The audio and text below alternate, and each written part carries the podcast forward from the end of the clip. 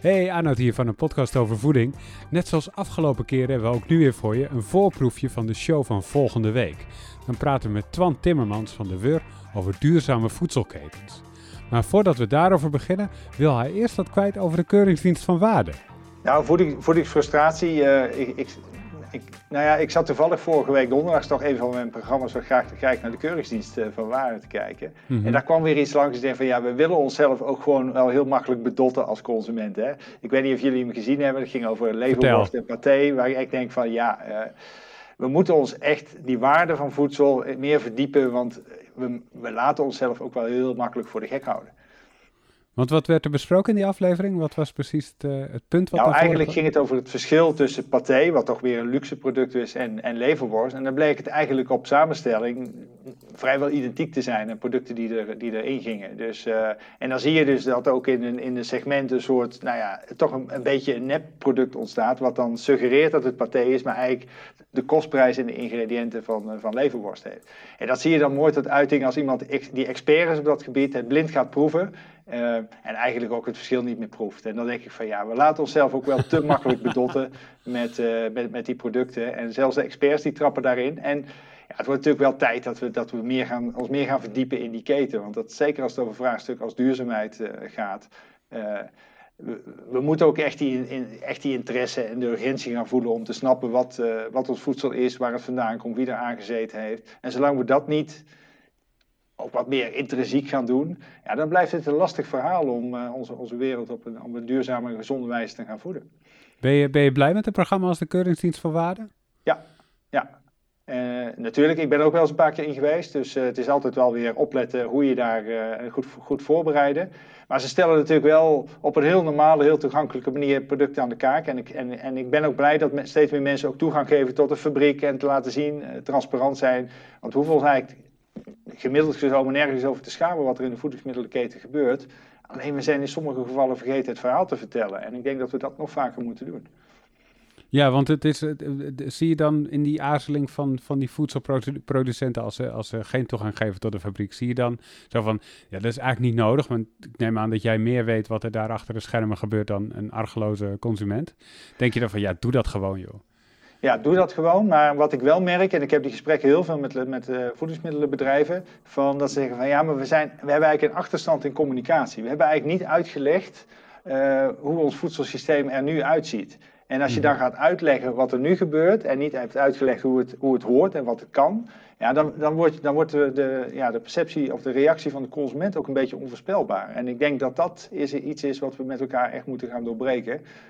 Niet voor schamen, gewoon die, die, die, die deuren opengooien, maar wel op een goede manier. Dus niet dat dingen aan de kaak te stellen, maar gewoon mensen mee te nemen. De, de, de keten echt letterlijk zichtbaar te maken.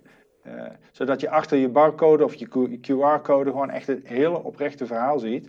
Want het is echt zo dat mensen met veel passie en liefde die producten maken. Uh, maar ja, hoeveel, hoeveel weten we nog als gemiddelde consument? Maar gaat het, maar gaat het dan er ook om het, het eerlijke verhaal van, joh, dit product maken we wel, maar eigenlijk is het helemaal niet uh, gezond? Ik denk Want dat daar zie je... Ik, ik, denk dat zeker duurzaamheid en gezondheid, dat dat, dat wel aspecten zijn. Wat, wat, wat, ik denk, wat ik ook wilde noemen, is, uh, ik zag afgelopen weekend weer de, de Consumentenmonitor Voedselveiligheid. Die wordt dan door de Nederlandse Voedsel- en Warenautoriteit jaarlijks uitgebracht. Van wat Mhm. leeft er nu echt bij consumenten en waar maken ze zich zorgen over?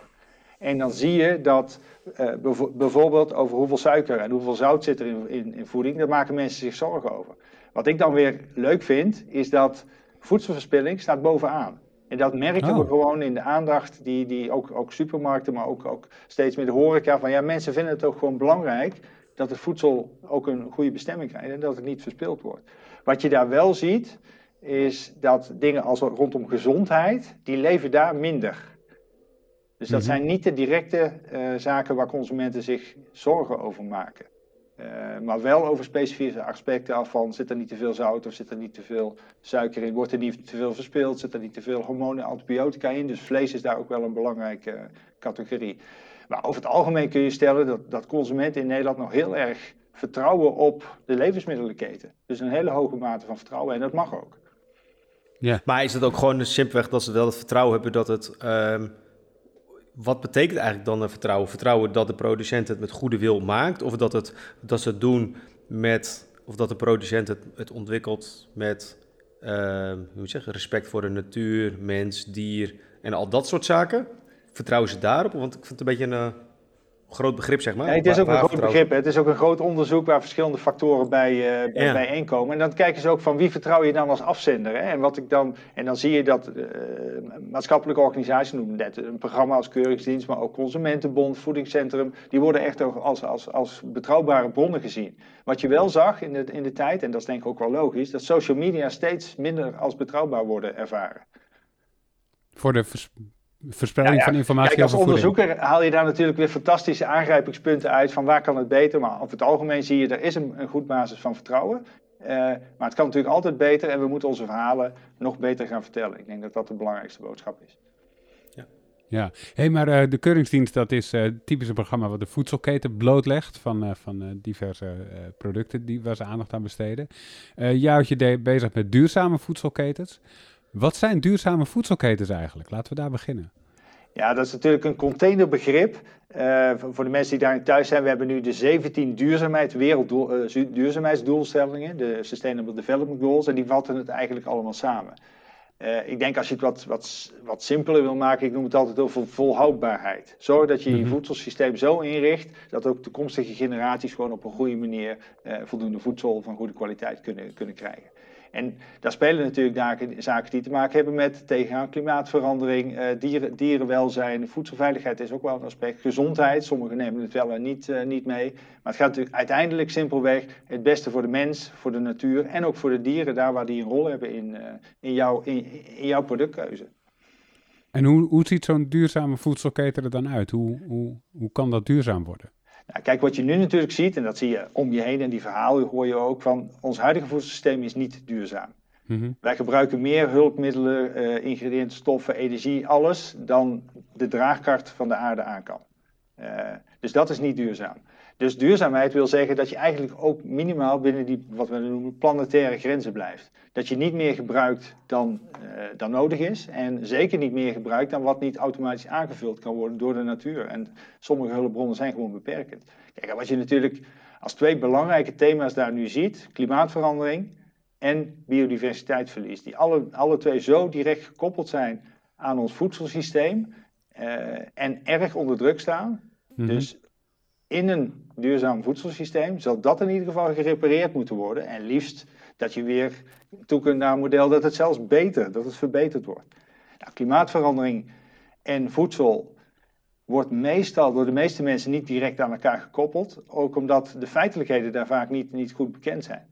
Uh, maar als je weet dat een derde van de uitstoot van broeikasgassen die wij als mens veroorzaken gekoppeld zijn aan het voedselsysteem, ja, vind ik het af en toe ja, een beetje bedroevend, of, of nou ja, frustrerend zelfs soms, dat daar te weinig aandacht voor is.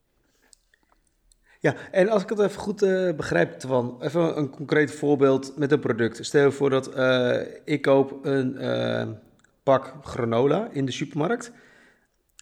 hoe moet dan dat duurzaam voedselsysteem zien? Bedoel je dan dat de verpakking nu plastic is en dat moet papier worden, want papier is minder schadelijk dan plastic voor het milieu of in productie of als restproduct? Hoe, hoe moet ik het een beetje zien? Ja, ik denk dat je het niet zo kunt versimpelen. Je zult het wat breder moeten, moeten kijken. En tot zover. Als je wil weten hoe je duurzame voedselketen van een pak granola breder moet bekijken, luister je volgende week de hele aflevering. Deze show is mede mogelijk dankzij de steun van onze vrienden. Je kunt ons steunen via vriendvandeshow.nl slash pov. Dank jullie wel allemaal en tot volgende week.